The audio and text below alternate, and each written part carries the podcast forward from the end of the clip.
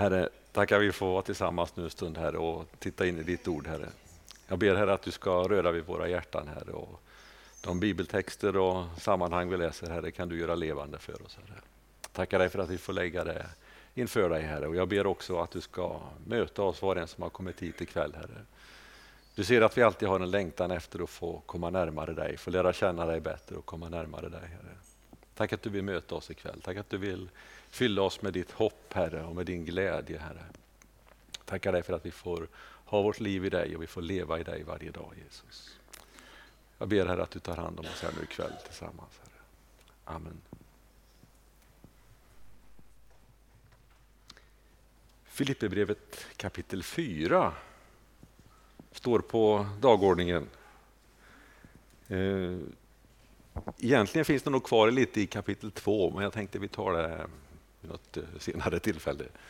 Vi tar kapitel 4 här. Vi ser om vi hinner igenom detta.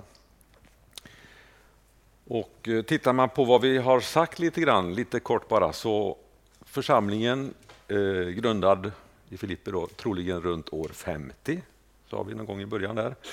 Och det var under Paulus andra missionsresa. Och grunden i församlingen var framförallt av, av ja, hedningar, eller greker och romare. Eh, när Paulus skriver brevet här då, ungefär tio år senare, någonstans runt år 60, sitter han i fängelse. Lite oklart var han sitter fängslad. Det finns lite olika tolkningar av det här. En del säger Efesos. Men det finns inte mycket kanske belägg för det egentligen, så det kanske inte är så troligt.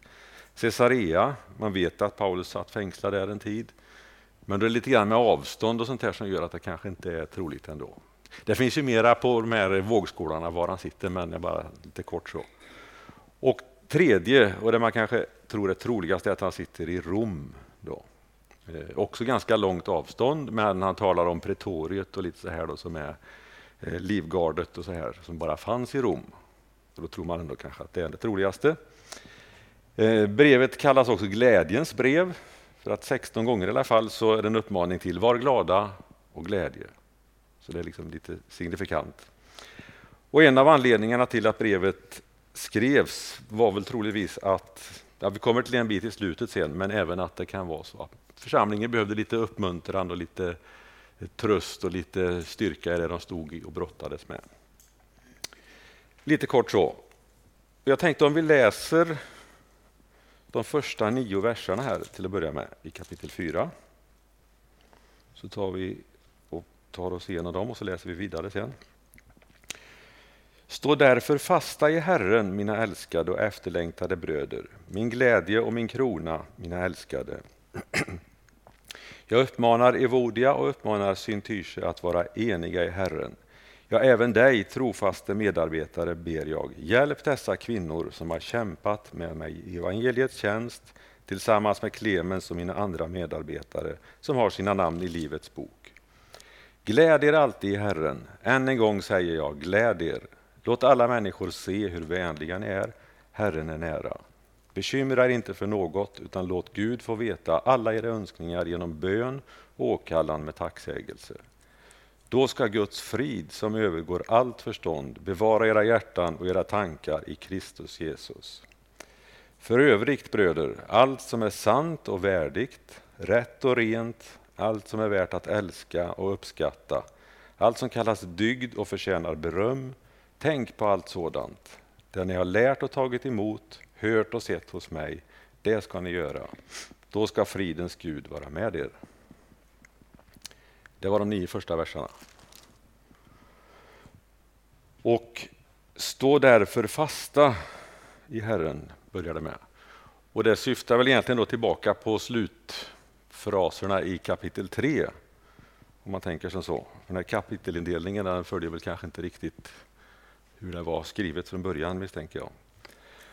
Och då finns det ett antal förmaningar eller uppmuntran, säga där. bland annat att man har sitt medborgarskap i himlen, står det. Och att vår, eller deras, Filippernas frälsare kommer från himlen och det är inte Rom på något vis. Och jag tänker att det är väl inte minst viktigt för oss idag att veta var vi har vårt riktiga, eller så att säga vårt hem med stort H, att det är i himlen. Att vi får ha det framför oss. Och Det finns ju även andra liknande uppmaningar till tröst, bland annat i Hebreerbrevet. Om vi tittar där, kapitel 12. tänker jag att det är ungefär en liknande uppmaning där. Och I vers 2 och ja, en del av vers 2 och i vers 3 i Hebreerbrevet 12 så finns det också något som för uppmuntran där och det står och låt oss ha blicken fäst på Jesus, trons upphovsman och fullkomnare. Tänk på honom som fick utstå sådan fiendskap från syndare så att ni inte tröttnar och tappar modet. finns ju också i Matteus. Går dit, kapitel 6. I bergspredikan. Jag hittar den någonstans här.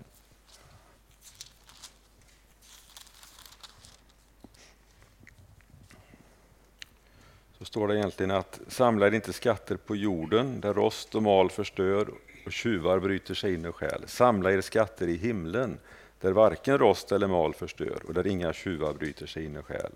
För där din skatt är, där kommer också ditt hjärta att vara. Och då tänker jag att där min skatt är, där kommer mitt hjärta att vara. Och där mitt hjärta är, det är ju oftast det som kanske som på något sätt bestämmer vart jag vill gå och vägen vart jag tar mig fram. Och det är klart, lägger jag fokus på att samla skatter här nere på, på jorden så är det rätt att det är dit min, mitt hjärta dras och det är den vägen jag går. Men ju mer jag liksom samlar skatt i himlen och ju mer jag sätter in där, ju mer vill mitt hjärta kanske dra åt det hållet. Och jag tänker att det, det är ju den frågan man kan ställa sig lite grann. Att det här med att stå fast i Herren. Hur ser mitt liv ut om ett år, två år, tio år? Beroende på hur vägen jag går eller vart jag har mitt hjärta. så att säga. Och jag vet inte, det finns ju sådana här eh, liknelser där man tänker på du kör på en tom parkering och så finns det en lyktstolpe där bara, enda som finns. Och ju mer du tänker på att den ska jag inte köra på, den ska jag inte köra på, till slut så kör man på den där ändå. Och det är lite grann så där med vad vi fokuserar på. Antingen att man kan fokusera på att inte krocka där, så gör man troligtvis det. Eller om man då som i det här fallet samlar skatter någonstans, och det, där får, det är där jag har min blick och då på något sätt så är det den vägen jag vill gå. I vers 2-3 sen då. Då kommer vi tillbaka, där stod lite grann om de, de verserna i kapitel 2. Eh, är troligtvis så, för det står att man inte ska söka konflikt och tom ära. Det är lite grann syftningar på eh, kanske några inbördes konflikter i, i församlingen. Men här verkar det vara två stycken eh, kvinnor då, som nämns vid namn, Evodia och Syntyche, eller hur det uttalas här. Och det verkar vara någon form av konflikt i alla fall. Troligtvis är det inget så att säga, som handlar om tron eller någon teologisk spörsmål eller någonting. För Paulus säger ju ingenting om vad som är rätt eller fel. Eller, han tar inte parti för eller emot någon. Och han tillrättavisar inte på det sättet. Så troligtvis är det något annat som ligger bakom här. Eh, vad vet jag inte, men han lyfter också fram här, han är väldigt tacksam för vad de har gjort tidigare. De har varit med och kämpat i evangeliets tjänst, står det. Men det som är väldigt viktigt och som har varit med även tidigare i kapitlen är ju det här med enighet och att osämja leder till splittring och det får liksom inte förekomma i princip i församlingen. Han lyfter upp detta väldigt mycket. Att vi måste jobba på enighet, ni måste ha tålamod och kärlek till varandra. Det är oerhört viktigt. Det finns några ställen i första Korinthierbrevet där det kanske då mera handlar om vad ska jag säga, trosfrågor eller någonting där han mer går in och tillrättavisar när man börjar argumentera eh, vem det är egentligen som är viktigast i församlingen kanske. Och där han går in och säger att vi, vi sår och vi vattnar allihop, men det är Gud som ger växten, är inne på det. Men här verkar det vara något mera ja, allmänt eller någonting att säga. Eh, sen uppmanar han ju här då medarbetare och de andra Eh, i församlingen här att vi stöttar varandra och hjälpa varandra och komma tillbaka på banan igen. Eh, för nu om man tittar på de här två kvinnorna då, så har de ju tydligen varit med och jobbat och tjänat och kämpat som det står. De kanske har varit med sedan församlingen grundades egentligen, men någonting har hänt här då, så att säga. Och det är väl så med oss alla att oavsett vad vi gör eller har gjort i församlingen så vill det till att hela tiden jobba på sin relation med Gud och i församlingen. För det är lätt att komma lite vid, vid sidan. Vi måste stötta varandra helt enkelt. Och här, han skriver också här att de här kvinnorna som har kämpat med mig i evangeliets tjänst. När Paulus pratar om att kämpa och kamp och sånt så är det väl med största sannolikhet bön det handlar om för hans del. Eh, det står bland annat i, om vi tittar i Kolosserbrevet, bläddrar fram bara någon sida här. I kapitel 1. Jag vill att ni ska veta vilken kamp jag har, har för er och för dem i Laodicea och för alla som inte har träffat mig personligen. Jag kämpar för att de ska bli styrkta i sina hjärtan och förenade i kärlek och nå fram till hela den rika och fulla övertygelse, Eh, förståelse som ger rätt insikt i Guds hemlighet Kristus.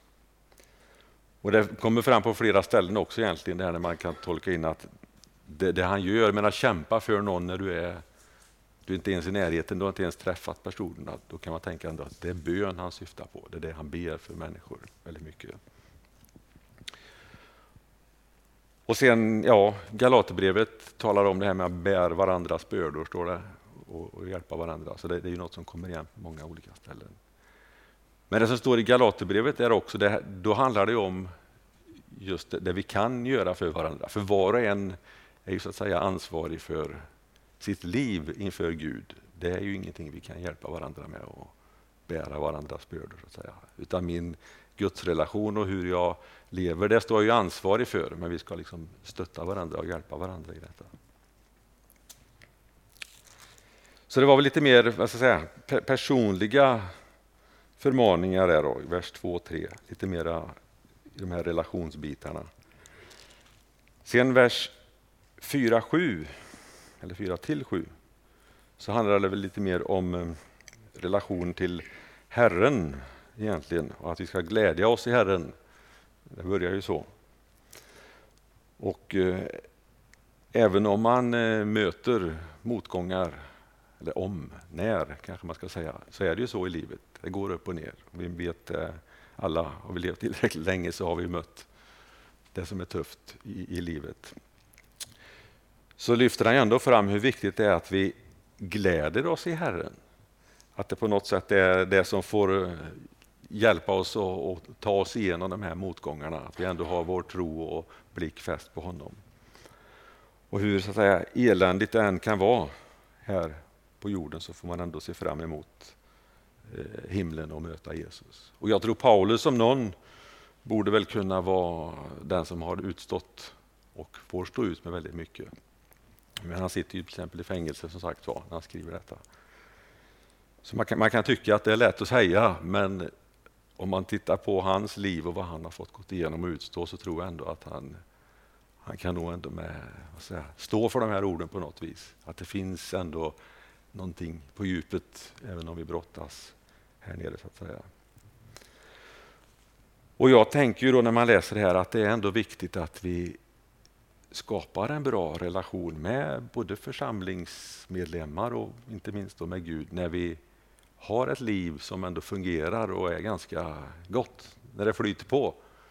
Tyvärr är det väl som så att det är lätt att man då, ja, man hinner inte, man orkar inte, man, det är så mycket annat och då bygger man inte den relationen. Och när man då kommer in i de här säga, dödsskuggans dal om man tar det till det så, så, så har man ingenting att falla tillbaka på. Och då orkar man ju kanske inte bygga detta, utan man behöver ha med sig det hela tiden egentligen. Och just det här glädjer alltid i Herren, står det. Och jag tänker på i, i Galaterbrevet 5 22 så står det om Andens frukter. Att det är bland annat glädje, frid, tålamod med mera. Så glädje kommer tillbaka. Och jag tänker på Andens frukt, om man nu kan knyta andra med oss med glädje.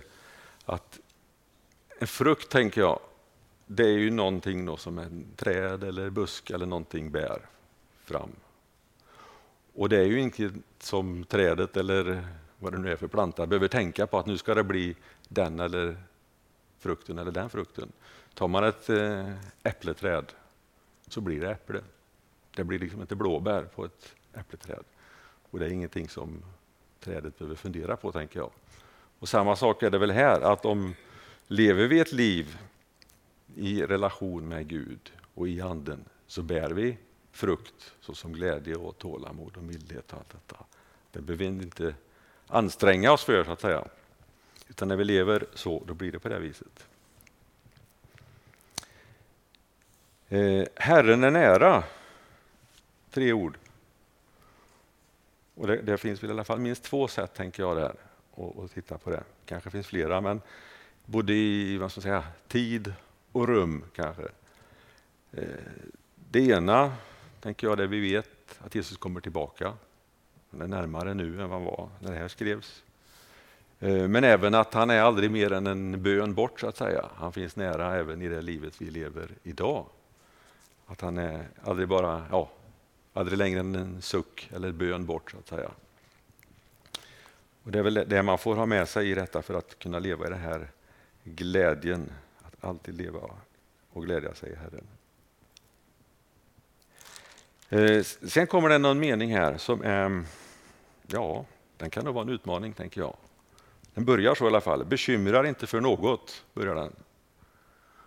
Och då tänker jag i alla fall att det, det kan vara lättare att säga än att göra kanske. Men det är väl någonting som vi kristna och troende ändå skulle kunna, eller eh, vi, vi, vi önskar väl i alla fall att vi skulle kunna leva i detta. Och Det tror jag är någonting att sträva efter och längta efter. Och vänd, tittar man på slutet på den här meningen innan man läser början, eh, om ni förstår vad jag menar, så står det att vi får göra alla våra önskningar genom bön och åkallan kända för Herren. Vi får komma med precis allt för honom. Jag tänker om man börjar så, att man ber och lägger fram allting för Herren och liksom får tro ändå på att han är med i detta. Och när man får uppleva den friden och glädjen där så på något vis så är det lättare då kanske att känna att okej, okay, nu har jag lämnat det till Jesus, nu behöver jag inte bekymra mig för något. Men jag tror det är svårare om man börjar så, bekymrar inte för något. Utan det blir liksom följden av att man lägger allting i Herrens händer och ber till honom. Och konkreta, står det väl här, va? får göra alla våra önskningar kända. Då får vi vara konkreta och säga verkligen vad det är vi har på vårt hjärta. Vi behöver liksom inte filtrera egentligen.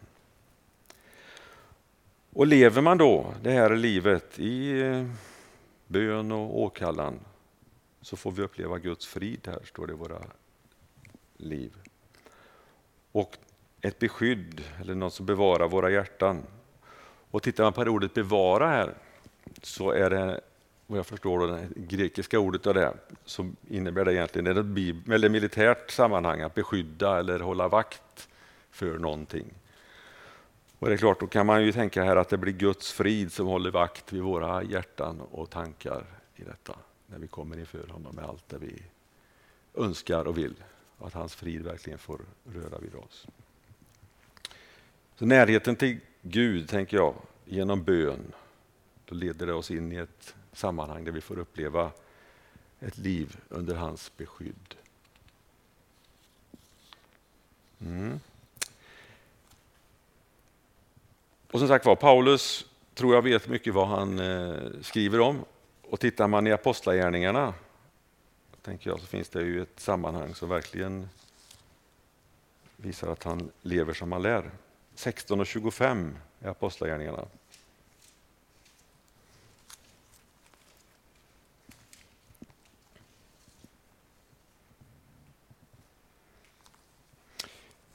Då står det att vid midnatt var Paulus och Silas i bön och lovsång till Gud medan fångarna lyssnade på dem.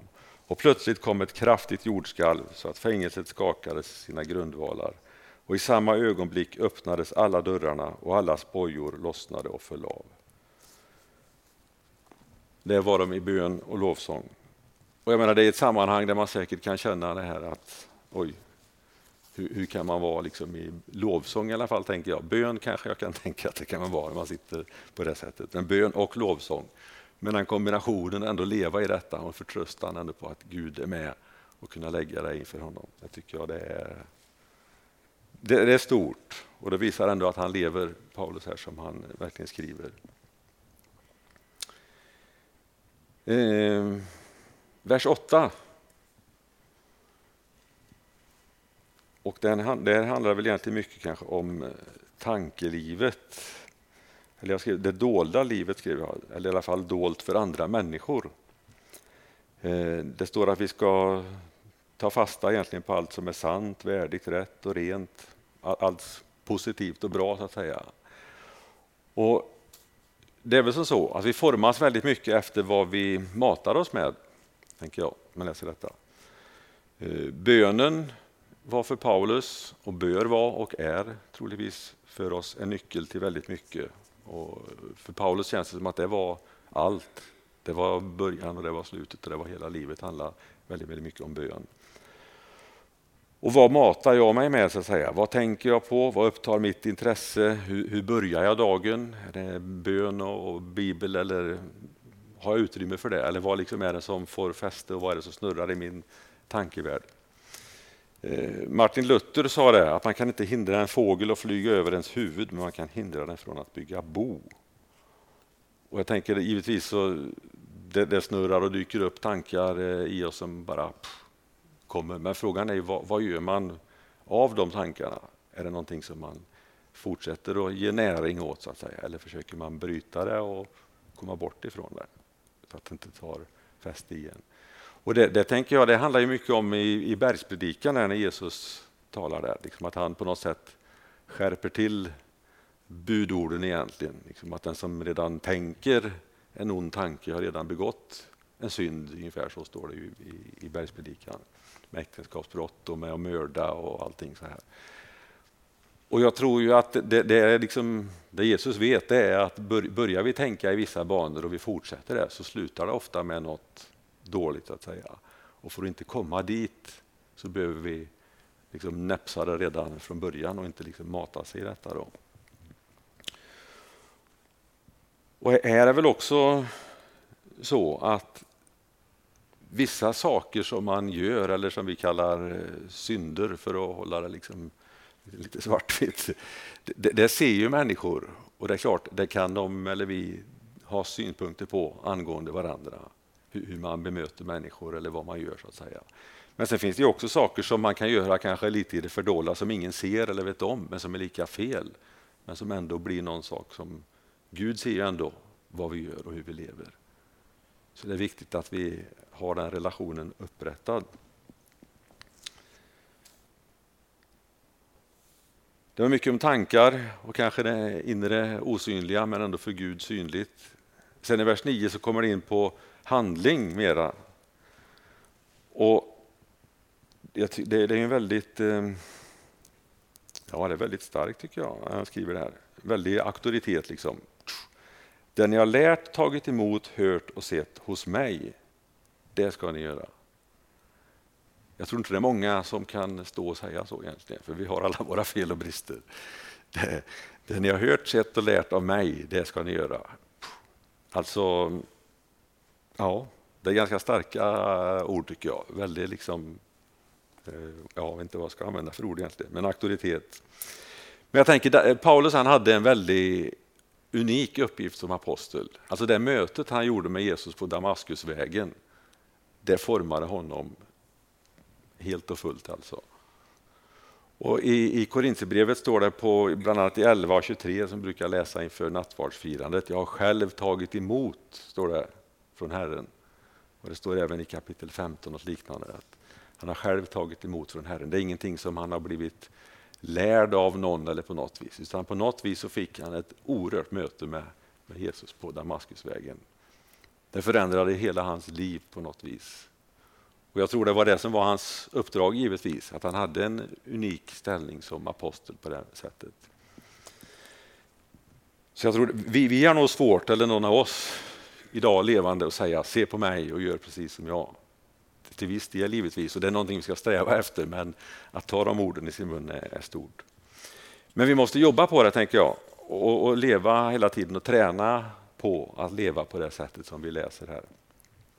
Lever vi inte i förlåtelse utan liksom är de här konflikterna och oförsonlighet i, i församlingen och det, så ja, då tror jag vi stänger dörren för mångt och mycket av Guds välsignelser in i mitt liv och i församlingens liv. Det handlar om att landa ner i, i detta. Lever vi i synd, man, ibland känns det väldigt hårt att använda det ordet så att säga, men eh, Eh, synligt eller osynligt som vi var inne på med tankevärlden eller vad gör jag? Betalar jag skatt eller smiter jag eller vad, vad gör jag? Är det liksom lite skymundan? Alltså på något sätt väljer jag att leva den vägen så förstör det min relation med Gud. Det är väldigt viktigt hur man tar tag i detta. Och även om vi inte har Paulus att titta på så tänker jag att det, är bra att titta på de som har gått före. Framförallt de som har varit kanske kristna en lång tid och stått i olika tjänster och uppdrag. För har du varit med länge och det har fungerat, då har du troligtvis levt ganska rätt. Och liksom fördelat eller använt din energi och kraft på ett bra sätt. Man ser ju ibland att det dyker upp väldigt karismatiska människor och sammanhang och, och kanske församlingar och allt möjligt. Och det är 110 knyck. Men sen efter fem år eller tio år så ja, då finns det inte. Inte på det sättet i alla fall. Utan jag tror, och, och så tänker jag, liksom som ändå som om man har en ledaruppgift eller någonting, att försöka titta på dem som har varit med länge. Hur har de fördelat sin kraft och energi? Hur har de levt för att det ska hålla länge? Så det, där tror jag vi har ett uppdrag eller en uppgift alla att på något vis titta på varandra. Men sen gör alla fel och, och så. I Jakobs brev står det också väldigt mycket att en tro utan gärningar, ja, vad är den värd? Den är död, säger han. Så det kommer vi tillbaka här i olika formuleringar. Det var lite grann om förmaningar, står det som ja, huvudrubrik här i, i min bibel. För de första nio verserna. Om vi tittar på de sista verserna här, eh, läser från vers 10 och till kapitlets slut här. Eh, så står det, det har glatt mig mycket i Herren att er omtanke om mig till slut fick blomma upp. Visst tänkte ni på mig tidigare också, men då hade ni inget tillfälle att visa det. Jag säger inte att jag saknat något, för jag har lärt mig att vara nöjd med det jag har. Jag kan leva enkelt, jag kan också leva i överflöd.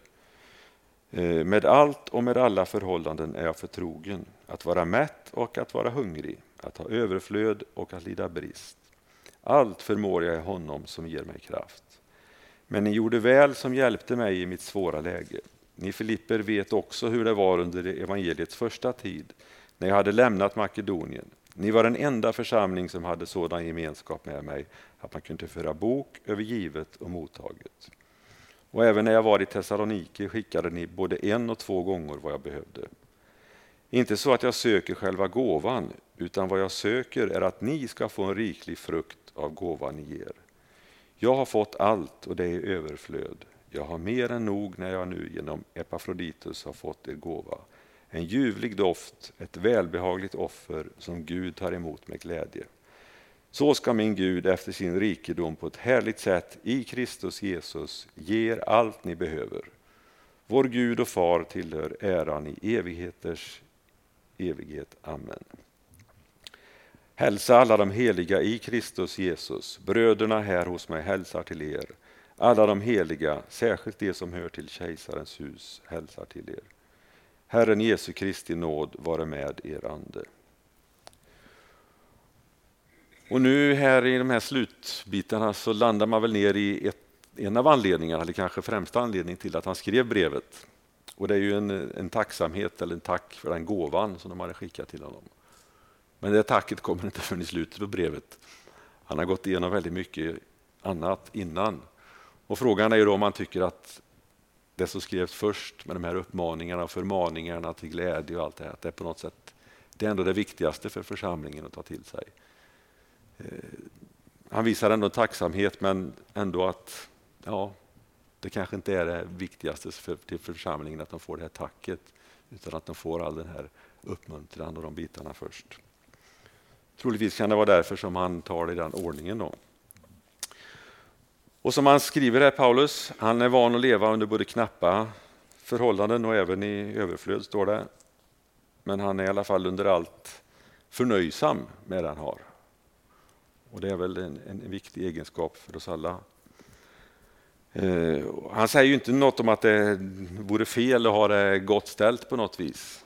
Eh, men ändå att man är tacksam i det man har, så att säga, hela tiden.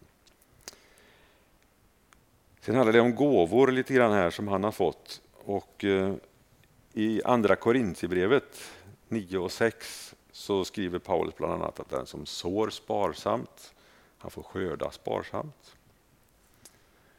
Och eh, som han är inne på här lite grann i, mitt i stycket här, att han ser inte Eh, vad heter det, den här offergåvan eller det de har skickat till honom ser han även som att det är egentligen något Gud som de har gett detta. Och att Filipperna ska bli välsignade av det de har gett till honom.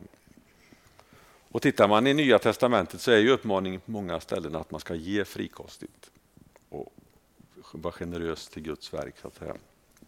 Och inte bara ta lite av vårt överflöd så att säga. Det här med tiondegivandet är väl ingenting som man kan se som en eh, maxgräns på något vis egentligen, utan kanske möjligtvis som en rekommendation eller en mingräns. Eh, tittar man i vers 19 här så står det väl här att så ska min Gud efter sin rikedom på ett härligt sätt i Kristus Jesus ge er allt ni behöver. Och det är väl en eh, gudomlig princip kanske man kan säga. Det står ju inte att så ska ni få allt i överflöd, utan allt det ni behöver. På något sätt så är Guds omsorg om oss handlar om behov och den biten. Det handlar liksom inte om att kunna kanske bada i pengar eller överflöd på det viset. Men vi ska inte sakna något heller, utan Gud har lovat att ha omsorg om oss. Det är väl den nivån man tänker. Sen kommer han in lite hälsningar här, avslutning. Och jag, jag, tänker att det bästa han kan eh, skicka med till de här eh, Filipperna är ändå att Herre Jesu Kristi nåd vare med er ande. Och jag vet inte, men ibland tänker jag vi, vi kanske upplever det som tomma ord eller bara en fras eller någonting. Men jag tror det här med nåden, att det betydde väldigt mycket för Filipperna.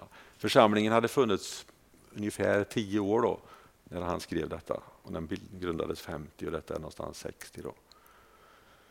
Så de som tar emot detta, många av dem var väl säkert med då vid bildandet och har fått uppleva verkligen det här, wow, att det händer någonting när man kommer till tro, när man kommer med i en församling. Det var liksom väldigt levande för dem det här med nåden att få leva i detta. Och Det är väl eh, något vi behöver ta till oss kanske mer av idag och leva i den här förnyelsen och verkligen förstå vilken nåd det är i detta. Idag det snurrar på och jag tror lätt att vi blir avtrubbade i detta. Men här tror jag verkligen de här orden, det betydde någonting för Filipperna när de fick det till sig. Det var liksom källan och drivkraften för allt det arbete de höll på med, allt det de gjorde. Det var för att leva i Guds nåd. Det var lite grann slut delen här på Filipperbrevet. Eh, jag tittar lite grann här och som avslutning tänkte jag Filipperbrevet är ett av Paulus mest Kristuscentrerade brev. Ungefär 50 gånger så kommer det fram i brevet här att han refererar till Kristus och det är bara då på fyra kapitel. Eh, och för Paulus del själv, om man tittar i kapitel 1 eh, och vers 21, om vi gör en liten kort tillbaka, så säger han, för mig är livet Kristus och döden är minst, fortsätter han, men för mig är livet Kristus. Alltså jag tror inte någon av oss riktigt kan förstå vad, vad Kristus, vad Jesus betydde för Paulus. Det var verkligen livet för Paulus. Det var det han levde i och för och genom på alla sätt och vis. Det var liksom helt och fullt det han hade som centrum i sitt liv. Om vi tittar i kapitel 2 så finns det en av de så att säga, mest välkända beskrivningarna av liksom Jesu människoblivande och hans gudomlighet. Eh, kallas i vissa sammanhang för Kristushymnen. Och det är vers 5 till och med 11. Och det liksom sammanfattar Paulus hela undervisning egentligen om Kristus, om hans eh, person och verk. Och där egentligen då Filipperna uppmanas att efterlikna Kristus på hans sätt att tänka, sitt sätt att se på sig själv och inte se på sitt eget bästa utan sätta andra före sig själv, att tjäna och ge. Jag tänkte vi, vi kan läsa de verserna, det, det, är väldigt egentligen, när man läser dem, det, det är otroligt starkt. Var så till sinnes som Kristus Jesus var. Han var till i Guds gestalt, men räknade inte jämlikheten med Gud som segerbyte, utan utgav sig själv, tog en tjänares gestalt och blev människan lik. När han till det yttre hade blivit som en människa ödmjukade han sig och blev lydig ända till döden, döden på korset. Därför har Gud också upphöjt honom över allting och gett honom namnet över alla andra namn. För att i Jesu namn alla knän ska böjas, i himlen och på jorden och under jorden. Och alla tungor bekänna att Jesus Kristus är Herren, Gud Fadern till ära. Och just det här att alla namn i himlen, på jorden och under jorden. Jag tror det enda stället som Paulus använder det så tydligt för att verkligen markera att det finns ingenting utan att det rör alla. På jorden, under jorden och i himlen. Det finns i något sammanhang till men inte, inte från Paulus skrivet på det sättet tror jag. Och en liten strof bara från kapitel 3 också. Att efterföljelse av Kristus och vilja leva efter honom. Det handlar ju först och främst och givetvis att gå den väg som Jesus gick. Och som det står i vers 10 i kapitel 3. Att han får lära känna Kristus och kraften i hans uppståndelse och dela hans lidanden genom att bli lik honom i hans död. Det var Filipperbrevet. Funderingar? Frågor? Det är självklart.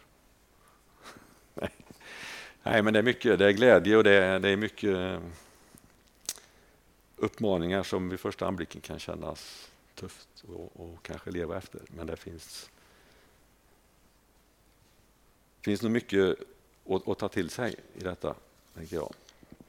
Just det här med glädjen och, och allt det här. Att det, det känns ju alltid svårt och, och, och ganska kallt att tycka att ja, men det, det, är klart att man kan glädja sig i Herren och säga det till någon som kanske har det tufft eller går igenom någonting. Men, men, men det är väl det här hela tiden som man är, tycker kommer fram, att, att man får leva i en gudsrelation hela tiden och då på något sätt får man med sig man, man startar på en, vad ska man säga, en högre nivå tror jag, de gångerna man går in i de här tuffa perioderna. Men det, det handlar om att bära varandra och vara generös mot varandra och stötta varandra när det behövs. Där är församlingen helt unik mot allt annat vad vi har i världen.